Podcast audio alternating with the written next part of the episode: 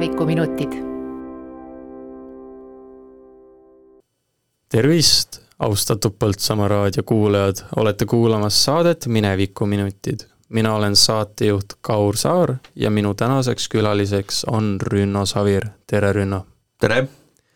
ja tänase saate teemaks on meil metsavendlus Põltsamaa piirkonnas tuhat üheksasada nelikümmend kuni tuhat üheksasada nelikümmend üks. nüüd enne sissejuhatuseks, kui me läheme neljakümnenda aastani, aastasse, siis tasuks äh, rääkida või siis äh, avada pilti äh,, mis juhtus kahekümne kaheksandal septembril tuhat üheksasada kolmkümmend üheksa ja miks see on üsna tähtis äh, metsavendluse algusele siis Eestis. jah, alustada olekski tegelikult hea Molotov-Ribbentropi pakti sõlmimisest. See sõlmiti siis kahekümne kaheksandal septembril tuhat üheksasada kolmkümmend üheksa ja sellega suruti mitte ainult meile, Eestimaale, vaid ka kõigile teistele Baltimaadele baasid millega siis toodi siis Vene armee meile sisse. et äh, põhimõtteliselt sealt algaski Eesti Vabariigi lagunemine. nüüd see oli siis see punavõimu nii-öelda algus Eestis, saab niimoodi öelda? jah, võib küll niimoodi öelda, et aga tegelikult õige võimu nad said kätte ikkagi nelikümmend kui koos kaasajooiksikutega siis kukutati Eesti Vabariik. ja sellega on meil nii-öelda niisugune suurem pilt loodud ja tuhande üheksasaja neljakümnendal aastal siis olid esimesed intsidendid siis äh, tsiviilvastupanust ja mis, mis nii-öelda neljakümnenda aasta alguses või seal keskel siis äh, Põltsamaal toimus? Põltsamaal algas tsiviilvastupanu kohe, kui likvideeriti Kaitseliit kahekümne kaheksandal augustil tuhat üheksasada nelikümmend ja selle järel ka kogu Eesti Vabariik. selle taga olid aktiivsed ja energilised kaitseliitlased ning kooliõpilased. tsiviilvastupanu all mõeldakse uute ilma korraloojate käskude, keeldude eiramist, lendlehtede levitamist, punastest valimistest äh,, keeldumist kahekümne neljandal veebruaril ausammastel küüna, küünalde ja pärgade panemist langenute auks, Eesti lippude heiskamist avalikel ja eriti kõrgetel kohtadel, mis silma paistaks. Põltsamaal tegutses organisatsioon Sinimustvalge. tal oli ka teine nimi, Eesti. nagu nad lendlehtedele ise olid alla kirjutanud sinna kuulusid endised kaitseliitlased, rühmapealik Arnold Potter juhina ja liikmetena Agu Veski, Orest Kivi, Martin Raukas ja Bill Bushi nimeline mees, kes lahkus märtsis tuhat üheksasada nelikümmend Saksamaale. ja mis, ja, ja mis see grupp siis tegi? Põltsamaa punased otsustasid kuuendal novembril tuhat üheksasada nelikümmend tähistada revolutsioonipüha miitinguga punaste kalmudel Põltsamaa kalmistul. Paanika ja hirmu tekitamiseks tehti pomm, mille Veski ja Kivi viisid kalmistule. enne Veski asetas miitingu kohast umbes saja meetri kaugusele pommi ja läitis selle sigaretiga, olles ise ka revolvriga valvel plahvatus oli tugev ja, ja, ja miiting jooksis kohe hirmunult laiali. seega ülesanne oli täidetud hiilgavalt, mis tähendab, et vastasesse ehk kohalikesse kaasajooiksikutesse suudeti eh, siis nagu hirmu külvata.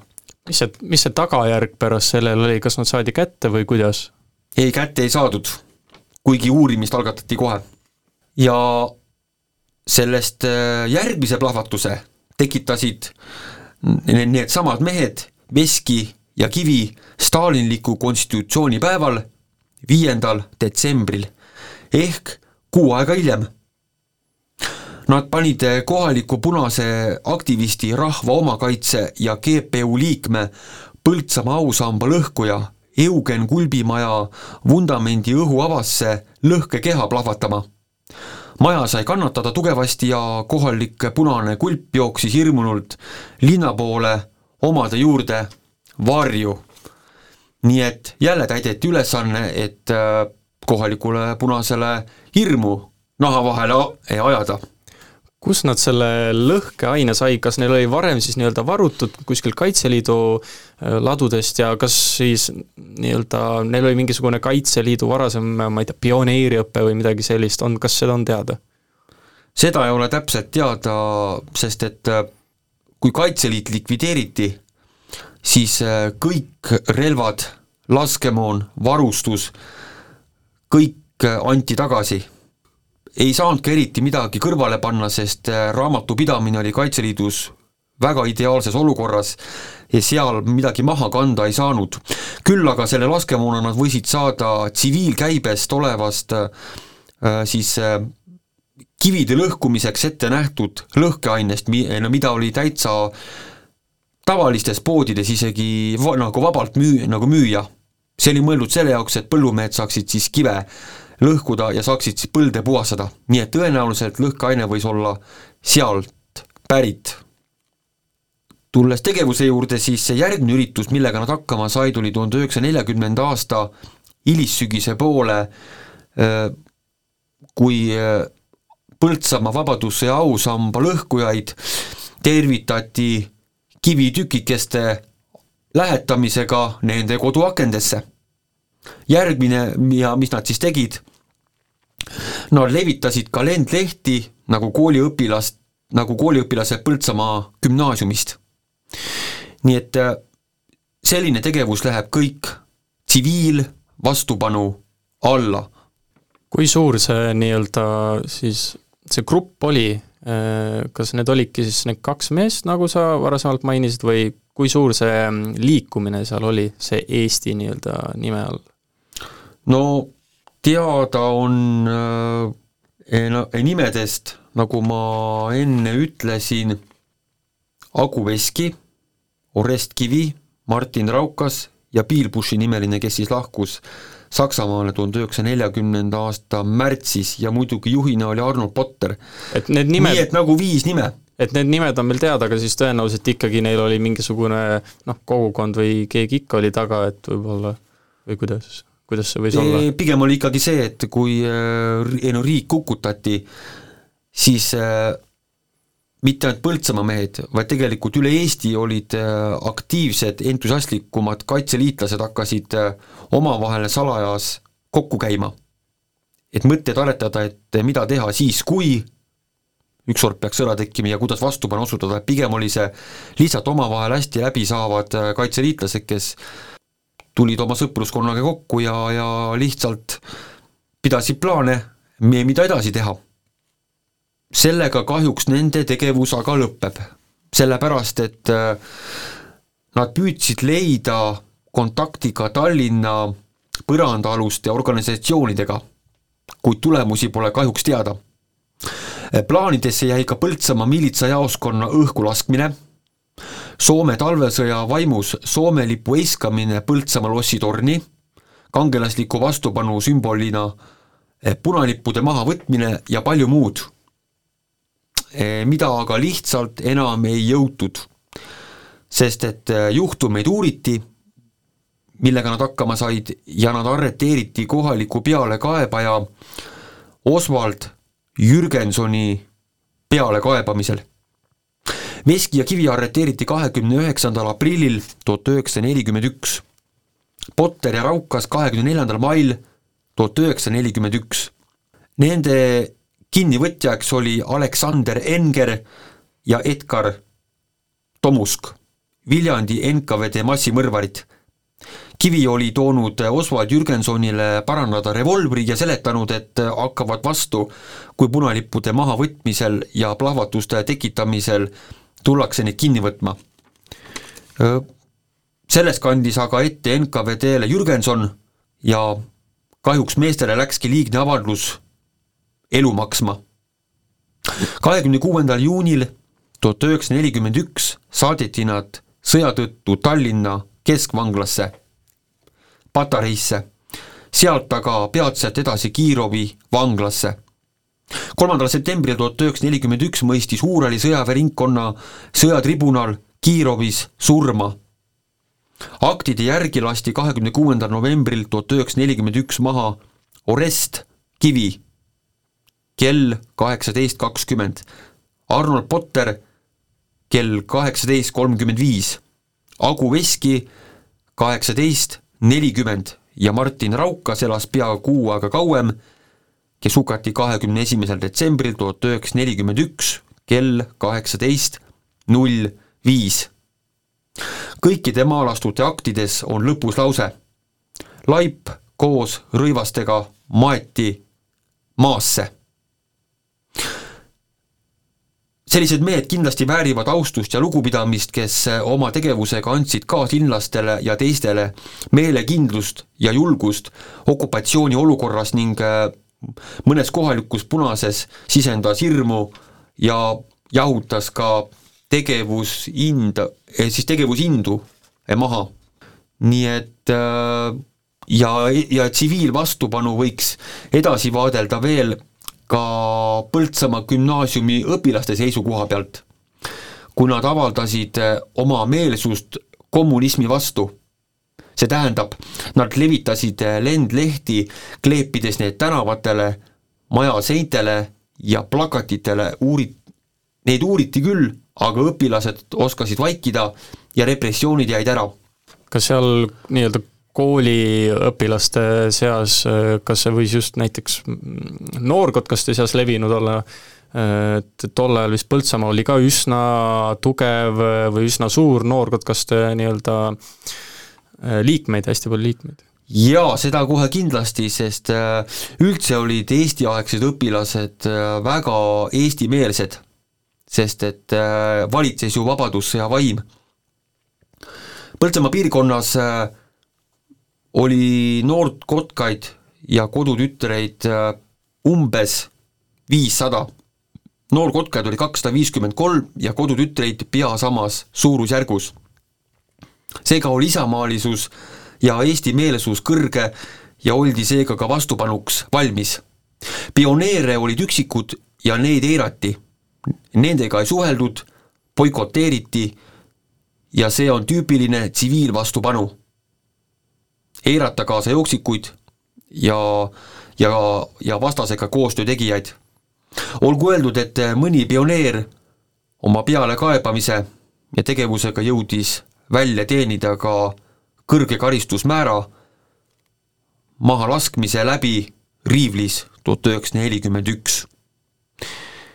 et ka niisuguseid asju juhtus ja see ei ole ainuke näide, selliseid näiteid on üle Eesti ja hea näide oleks veel tuua tsiviilvastupanust, kui üks õpilane joonistas vahetunni aeg tahvlile Stalini pildi. sama klassi õpilane Saima Lepp, kelle isa oli endine Riigikogu liige August Lauri tütar, joonistaski siis talle kaela poomisnööri seekord uuriti asja ja leitigi süüdlane, Saima Lepp, ja heideti koolist välja. Õnneks siis temaga äh, drastilisemaid äh, repressioone ette ei võetud äh,. Üldse Põltsamaa kihelkonna elanikkonnast olid kaasajooksikuid väike osa. Needki alla käinud, pätistunud isikud, alkohoolikud, kriminaalid, elus kibestunud, pettunud ja muu selline kontingent kes leidu, kes leidis nüüd oma aja, olevat tulnud, tehes koostööd okupantidega, osutades riigi, rahvuse reeturiteks. et kahjuks selliseid, selliseid isikuid leid-, siis leidus äh, üle Eesti Vabariigi ja väga palju on äh, arhiivis omakaitsearuannetes taoliste isik-, isikute nimede taha kirjutatud ka siis nende kirjeldused, kes nad siis enne olid ja mis nad endast kujutasid ja nad, ja suurem osa nendest olidki just sellise taustakirjeldusega, nagu ma eelpool just nä-, nagu näidetena tõin. sa, sa mainisid, et äh, nii-öelda siin Põltsamaa piirkonnas pealekaebajaid ikkagi pigem oli vähe. väga vähe. Siis küüditati vähem, kas see mõjutas seda, et siin ei olnud nii palju pealekaebajaid või ikkagi väga, väga noh, protsentuaalselt võrreldes teiste Eesti piirkondadega äh, kas oli pigem vähe või palju neid inimesi, kes meil siin ära äh, siis Siberisse saadeti? nagu ma ütlesin, jaa, siis pealekaebajaid oli vähe aga selle eest olid nad kahjuks äh, töökad. et, et aga ikkagi võrreldes sellega, mil-, siis millist Eesti piirkonda represseeriti rohkem kui Põltsamaad, siis tegelikult äh, meil läks siiski hästi. selge on see, et ega me tänapäeval enam mitte kunagi ei saa teada, palju nüüd konkreetselt pealekaebamise tõttu nüüd kedagi ähm, represseeriti, kas siis arreteeriti või küüditati. Need on kaks väga erinevat mõ-, tegelikult mõistet, et äh, neid ei tohiks tegelikult segamini ajada. aga neid ikkagi oli ja see tuleb lihtsalt tea-, teadmiseks võtta, ega igas rahvuses on omad mustad lambad ja nii ongi. kuid äh, ma ütleksin, et äh, vastupanu ei ole ainult tsiviil- või militaarse iseloomuga, vaid ka enese varjamine, arreteerimise, küüditamise ja tapmise eest põgenemine, oma enese elu säilitamine vastupanuks. kukutamaks äh, võõrast võimu on vastupanu üks peamisi alaliike teadaolevalt on Eesti esimene metsavend Nõukogude Liidu okupatsiooni tingimustes Viru maakonnas Alutaguse valla Arumäe küla noormees Enn Murulaid, kes septembris tuhat üheksasada nelikümmend endise sõjaväe ühendamisel eh, Punaarmeega deserteeris ajateenistusest ja varjas end koduküla lähedal kuni siis äh, partisanisõja puhkemiseni, liitudes seejärel samas äh, tekkinud suure aktiivse mm, partisanisalgaga. Ja see info on võetud raamatust Metsavennad suvesõjas tuhat üheksasada nelikümmend üks, mida ma kõigile muidugi soovitan. olen soo, tantsime koos.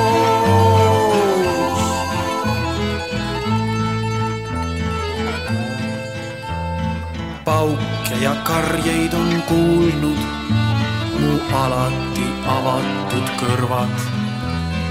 kuidas appi on hüütud ja kuidas on sündinud mõrvad. jälitajaid on jäänud mu musta sügavikku. seal nad avatud silmil ootavad igavikku. olen soov, tantsime koos.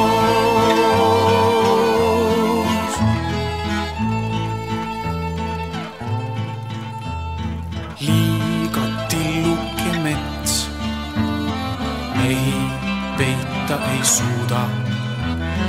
liiga tilluke jõud siin ilmas ei midagi muuda kõiki, kes jäid minu sisse, iial ei maeta maha.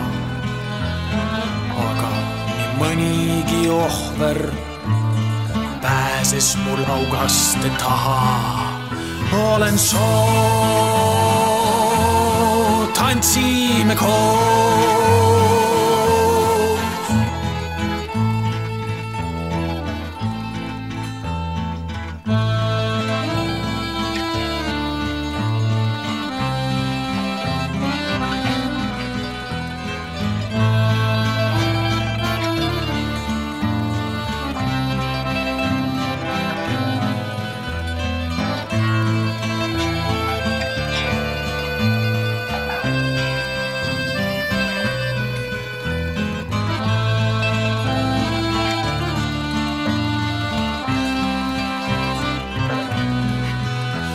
Olen soo, tantsime koos, olen soo, tantsime koos.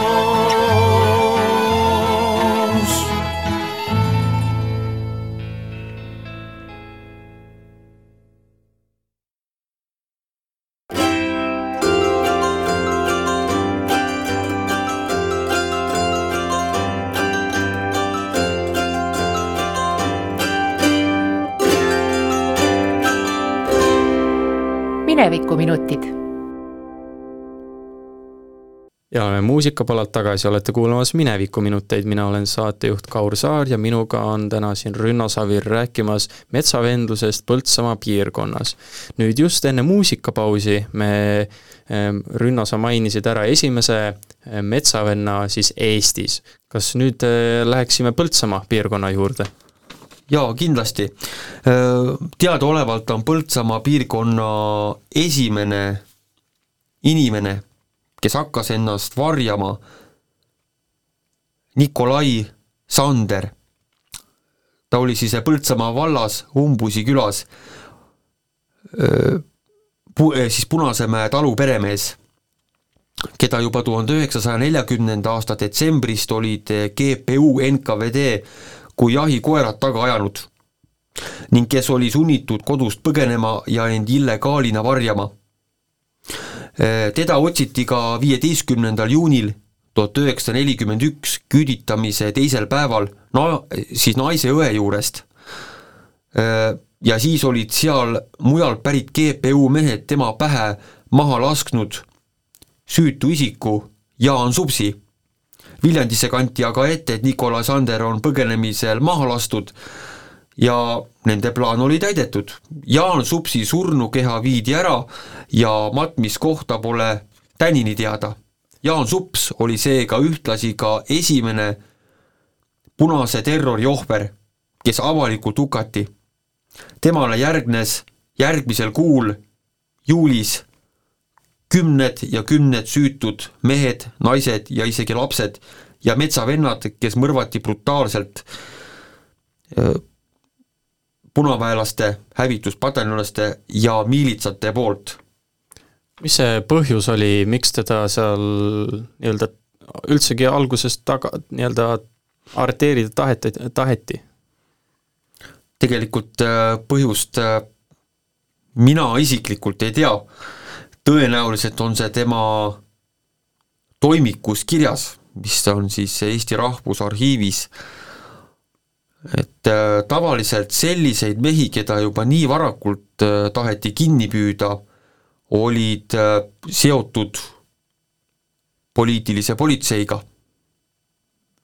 kas tema oli? ma ei tea. Aga ma vaatleks edasi, et mis oli Nikolai Sanderi edasine saatus. Nikolai Sander, Jaagu poeg, sündinud tuhat kaheksasada üheksakümmend seitse, Viljandimaa, Põltsamaa vald, arreteeritud kümnes märts tuhat üheksasada viiskümmend kolm Tartu rajoonis Pihva külanõukogus. tribunal oli kakskümmend august tuhat üheksasada viiskümmend kolm, ta mõisteti süüdi siis paragrahvides viiskümmend kaheksa üks A ja viiskümmend kaheksa kaheksa, kakskümmend viis aastat. Irkutski oblastis Ozjorlag ja seal ta surigi kolmandal juunil tuhat üheksasada viiskümmend üheksa.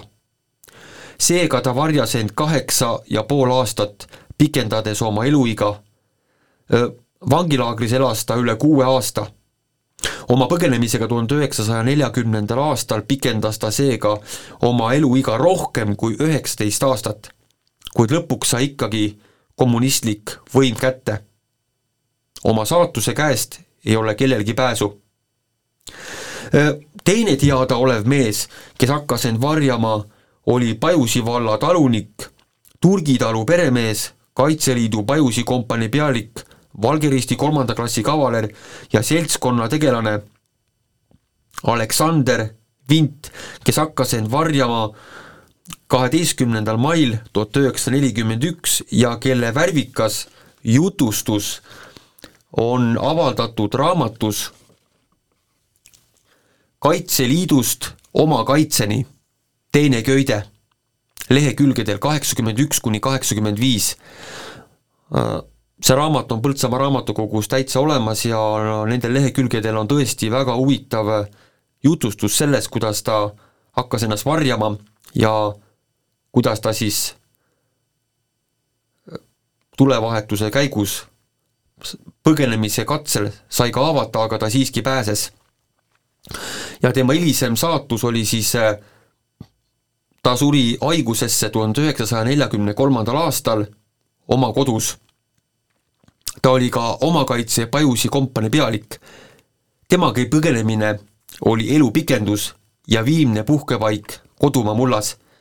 nii et äh, need on kaks head näidet, et ka põgenemine on vastupanu üks peamiseid vorme. Kas sa oskad seda situatsiooni meile kirjeldada, kuidas ta seal põgenes või mis seal täpsemalt nii-öelda juhtus päris? või see ei ole teada nii hästi?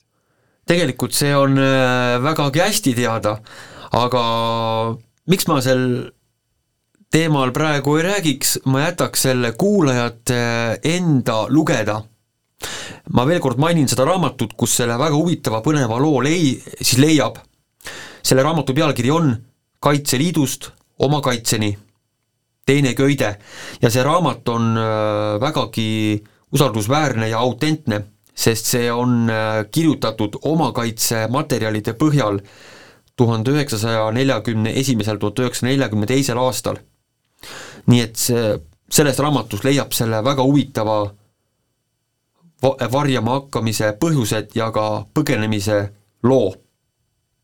Aga samas ma vaatleks äh, põhjuseid, miks hakkasid inimesed end üldse varjama, illegaalina taga aetavana ja hiljem metsavennana.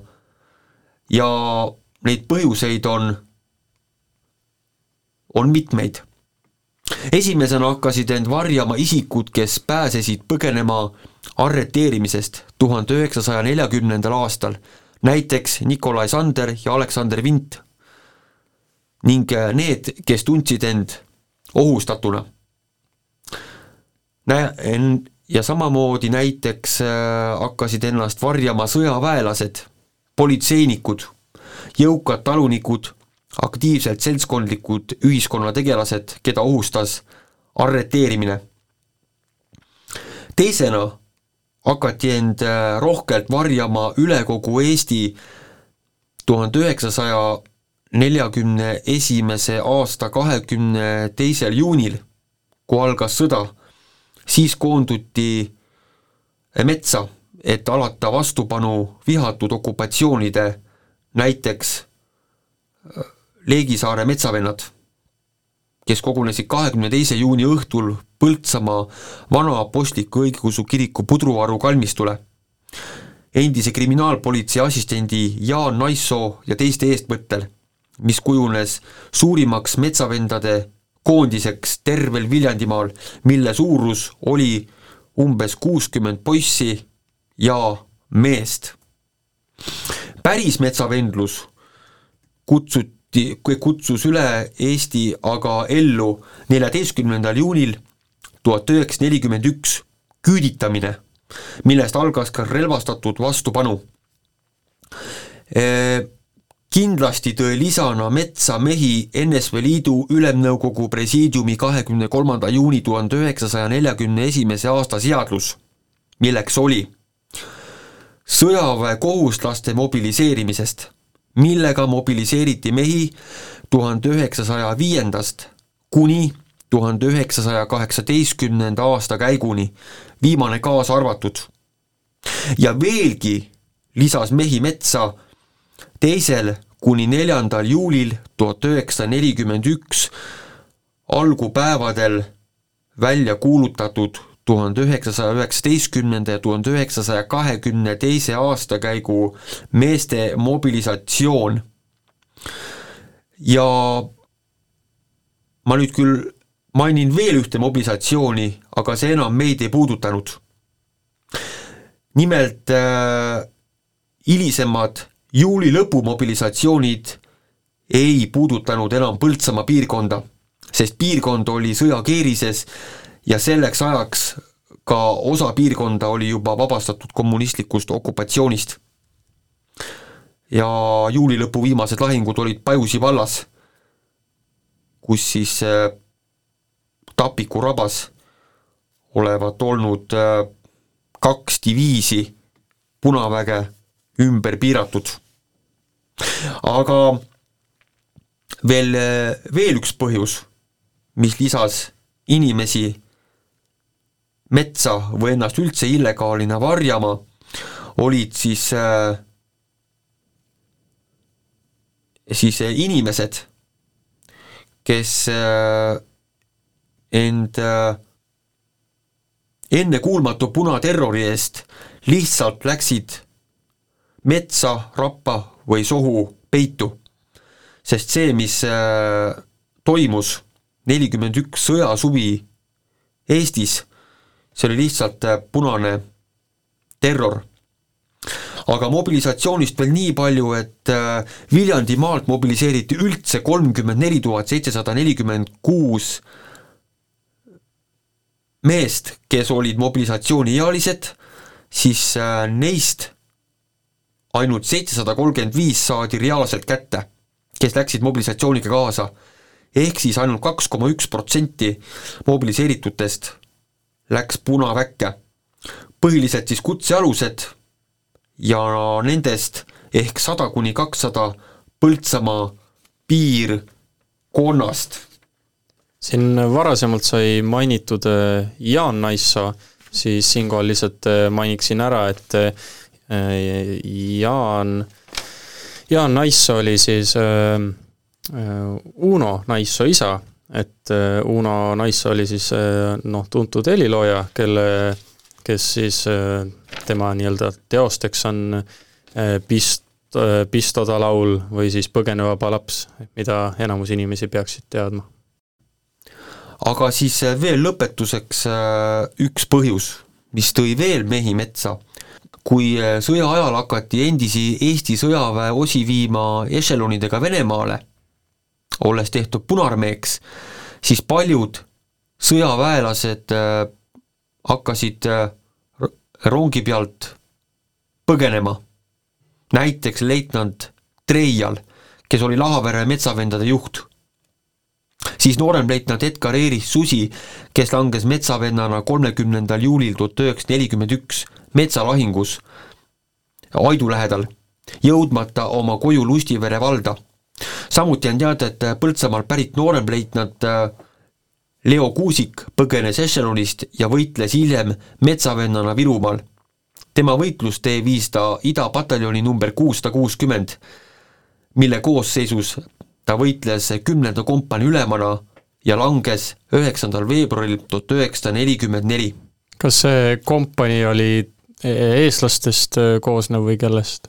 ainult eestlastest koosnev kompanii, sest idapataljoni olidki moodustatud äh, vabatahtlikkuse alusel nendest poistest ja meestest, kes tahtsid siis äh, ta-, et, et asuma minna selle ülekohtu eest, mis tehti tuhat üheksasada nelikümmend kuni nelikümmend üks ja tollel ajal siis loodeti ka, et minnakse vabastama oma arreteeritud ja küüditatud äh, lähedasi.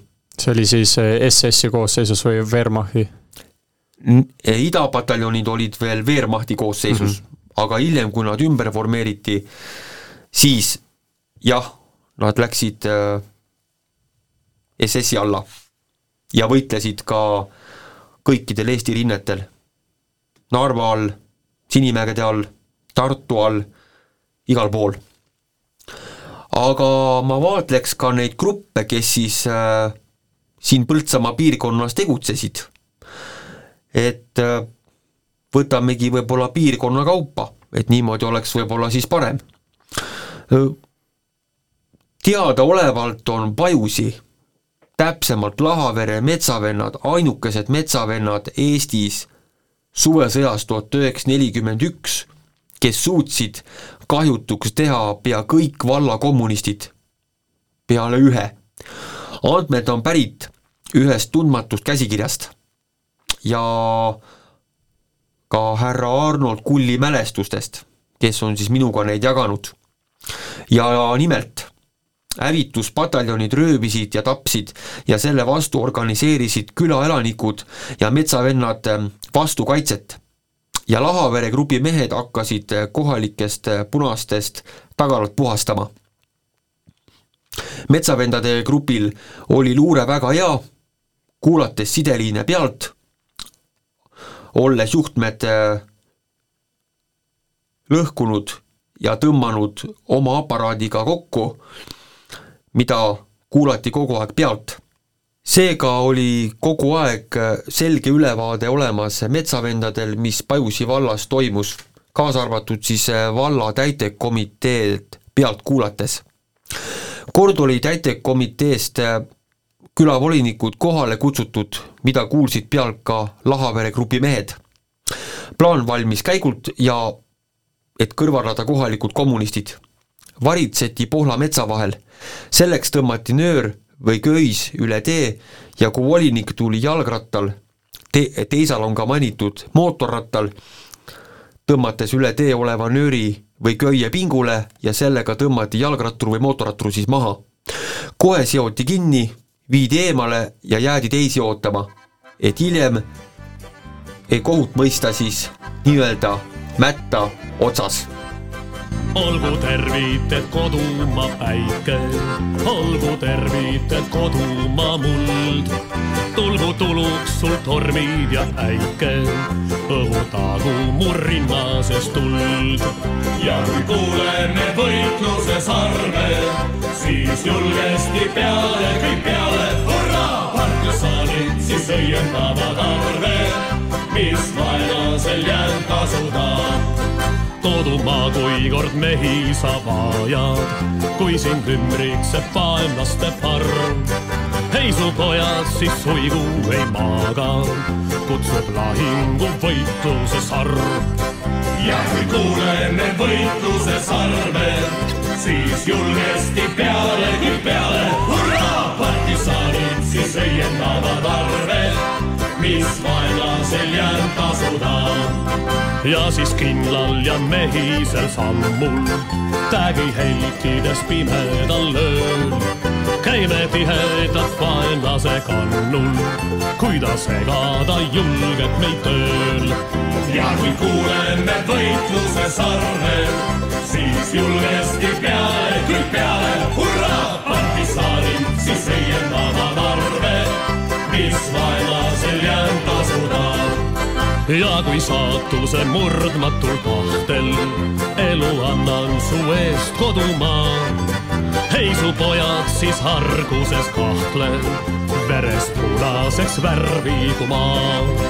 ja kui kuuleme võitluse sarve, siis julgesti peale, kõik peale, hurraa, partisanid siis õiendavad arve mis vaenlasel jääb tasuda. Partisaanide lipp meile püha, partisaanide kuulsus me au. partisaanide lipu all surra, olgu meiegi püüe ja nõu.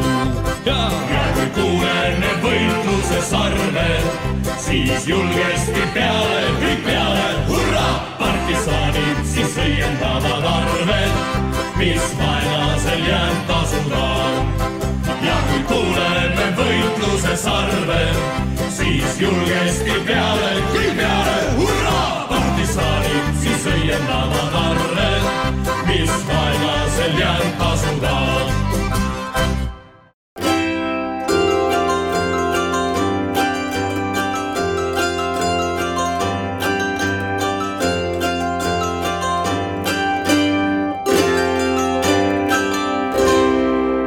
minevikuminutid.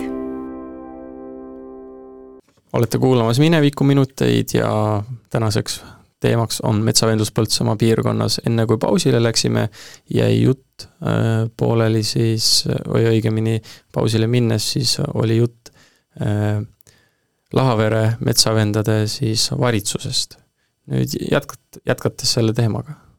jah, kõigepealt vaataks siis äh,, no kes siis kinni püüti kõigepealt äh, tuli Tamsist külavolinik Erich Ilves, siis Tõivere külavolinik Leo Sepp, siis Tapiku külavolinik Aadi Linask.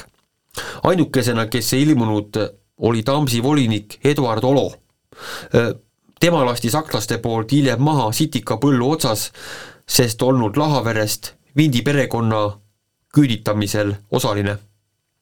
Hiljem olla veel maha lastud Pohla metsa vahel kohalikud punategelased Eduard Leitsalu ja Lahaveres uuetoal Werner Janvest.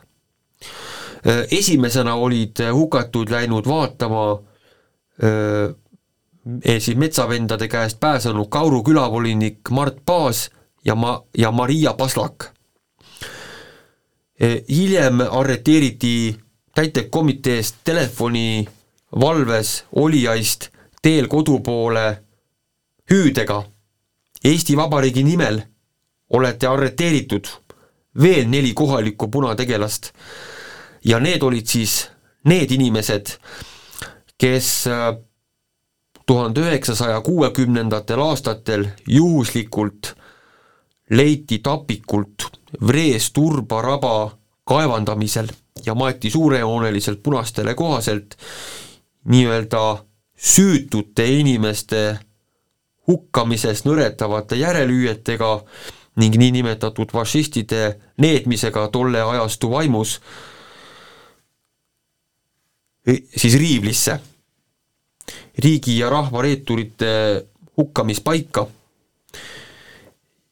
Ja nagu tõdeb äh, omakaitse aruanne Riigiarhiivis, siis sellega aktiiv, siis sellega lülitati välja kohalike punaste hilisemad võimalikud aktiivsed aktsioonid eestimeelsete vastu, kui Pajusi vald oli punases võimuses tuhandetest punaarmeelastest, hävituspataljonlastest, miilitsatest.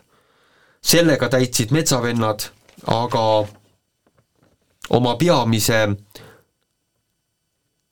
ülesande, eestimeelsete inimeste rahvavara, loomade alleshoidmise, et neid ei hävitataks.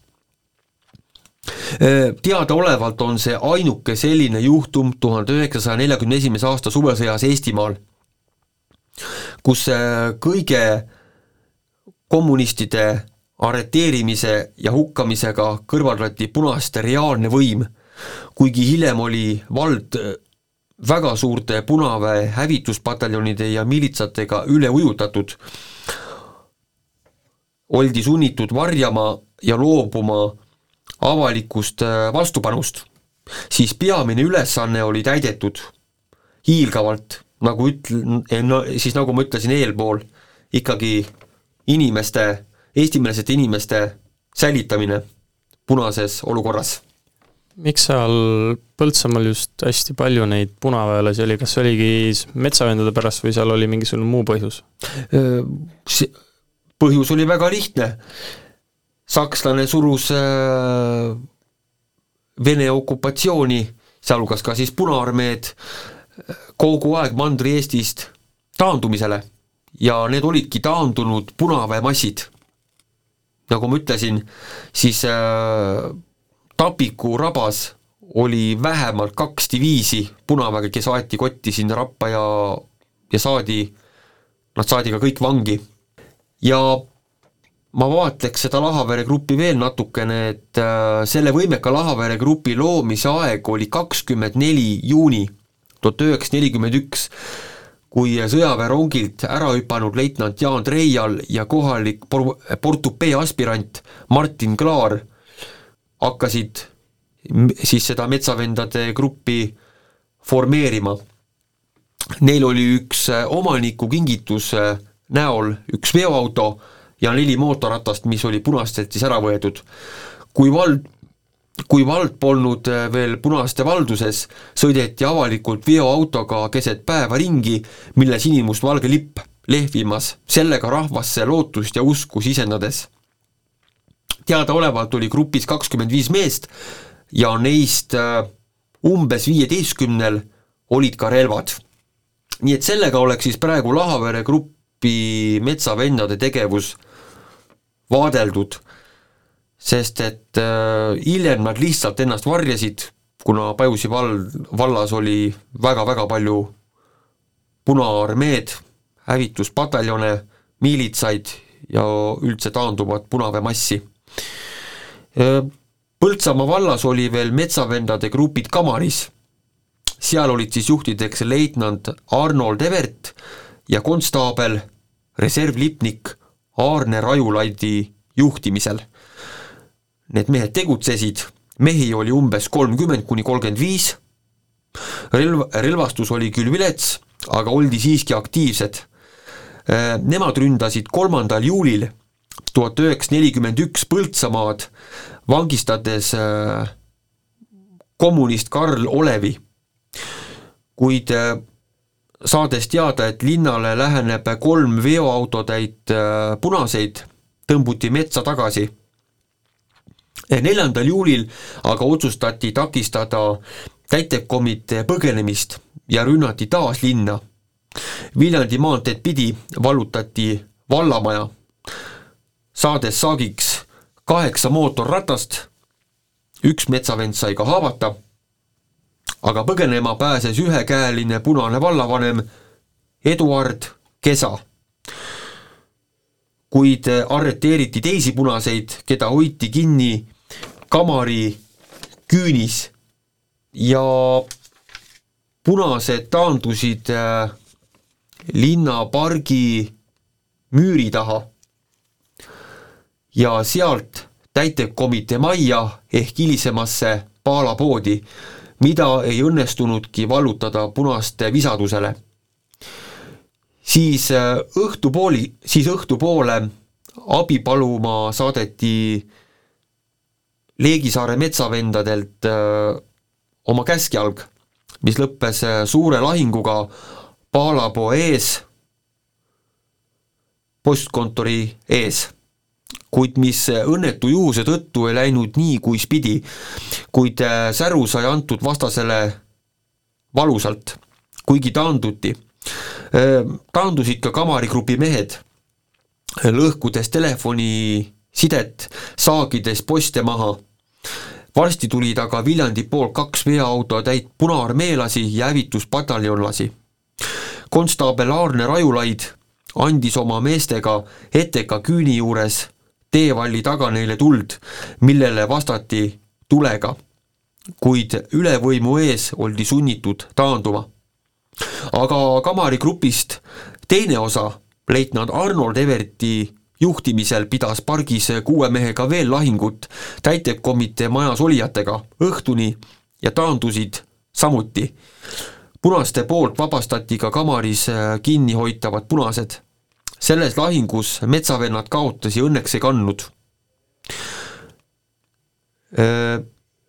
Ja siis äh, nüüd äh, varjuti kahekümne teise juulini avaldamata aktiivsust, sest Põltsamaa piirkond oli punavägedest üle ujutatud. ja Kamari metsavennad äh, tulidki siis avalikkuse ette, kui vabastati Põltsamaa lõunaosa ja linn kella kaheks. nii et äh, Kamari metsavendade baas oli algul, algusest lõpuni rabade vahelises Keldri saare talus, mis oli ideaalne koht. et äh, praegu seal küll talukohta enam pole, aga see on tõesti ideaalne koht, ma ise olen seal käinud ja kui, kui nüüd mõelda seda tolle aja olukorda, siis selline tee isegi viinud sinna, et äh, meestel oli tõesti taktikaliselt hea varjumiskoht mõeldud. aga enne, kui me lähme äh, umbusi metsavendade juurde, siis äh, kuna saateaeg pressib peale, äh, me peame vaikselt sellega lõpetama. see nii-öelda metsavendlus Põltsamaa piirkonnas, see tuleb kaheosaline ja kindlasti kuulake ka teist saadet, mis, mis tuleb ja teises saates me juba või nii-öelda lähme umbusi kui ka Põltsamaa vetsavendade juurde ja seal nii-öelda siis käsitletakse ka äh, ühte, ühte lahingut Põltsamaa äh, siis keskel äh, ja seal ka nii-öelda siis varasemalt mainitud osales ka Uno Naissoo isa. Jaan Naissoo, tuntumaid, tuntumaid metsavendi Põltsamaal ja, ja kes siis langeski täna neljandal juulil, seitsekümmend kaks aastat tagasi, tulevahetuses Põltsamaa kesklinnas, postkontori ja Paalapuu ees. sellega Mineviku minutid lõpetavad. mina olin saatejuht Kaur Saar ja minuga oli siin täna Renno Savir.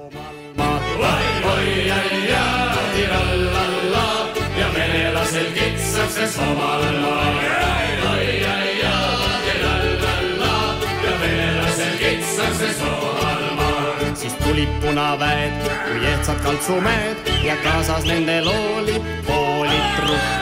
oi-ai-ja, tirallalla ja kaasas nendel oli poolitrupp. oi-ai-ja, tirallalla ja kaasas nendel oli poolitrupp siis metsa läksin ma ja metsa läksid sa, et saaks neid politrukke küttida.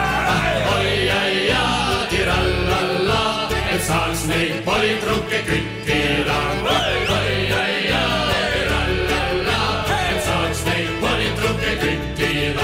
siis püssi võtsin ma ja püssi võtsid sa, et saaks neid politrukke lasta ka.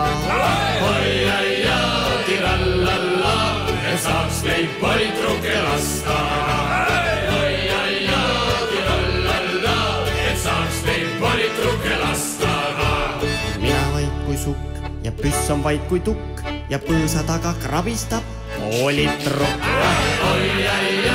tirallalla ja põõsa taga krabistab politrukk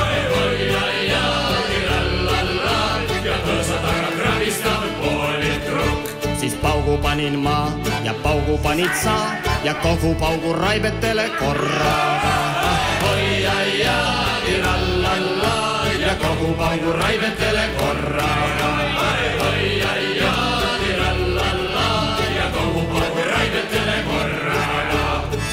Võtsin ma ja naha võtsid sa ja saatsime ta Stalinile parkida. oi-ai-ja, tirallalla ja saatsime ta Stalinile parkida. oi-ai-ja, tirallalla ja saatsime ta Stalinile parkida. sain lubjavildid ma ja vatijopesa koos nende seltsimeeste täidega. oi-ai-ja, tirallalla ja sõit läks Siberisse lauluga. oi-ai-ja, tirallalla ja sõit läks Siberisse lauluga.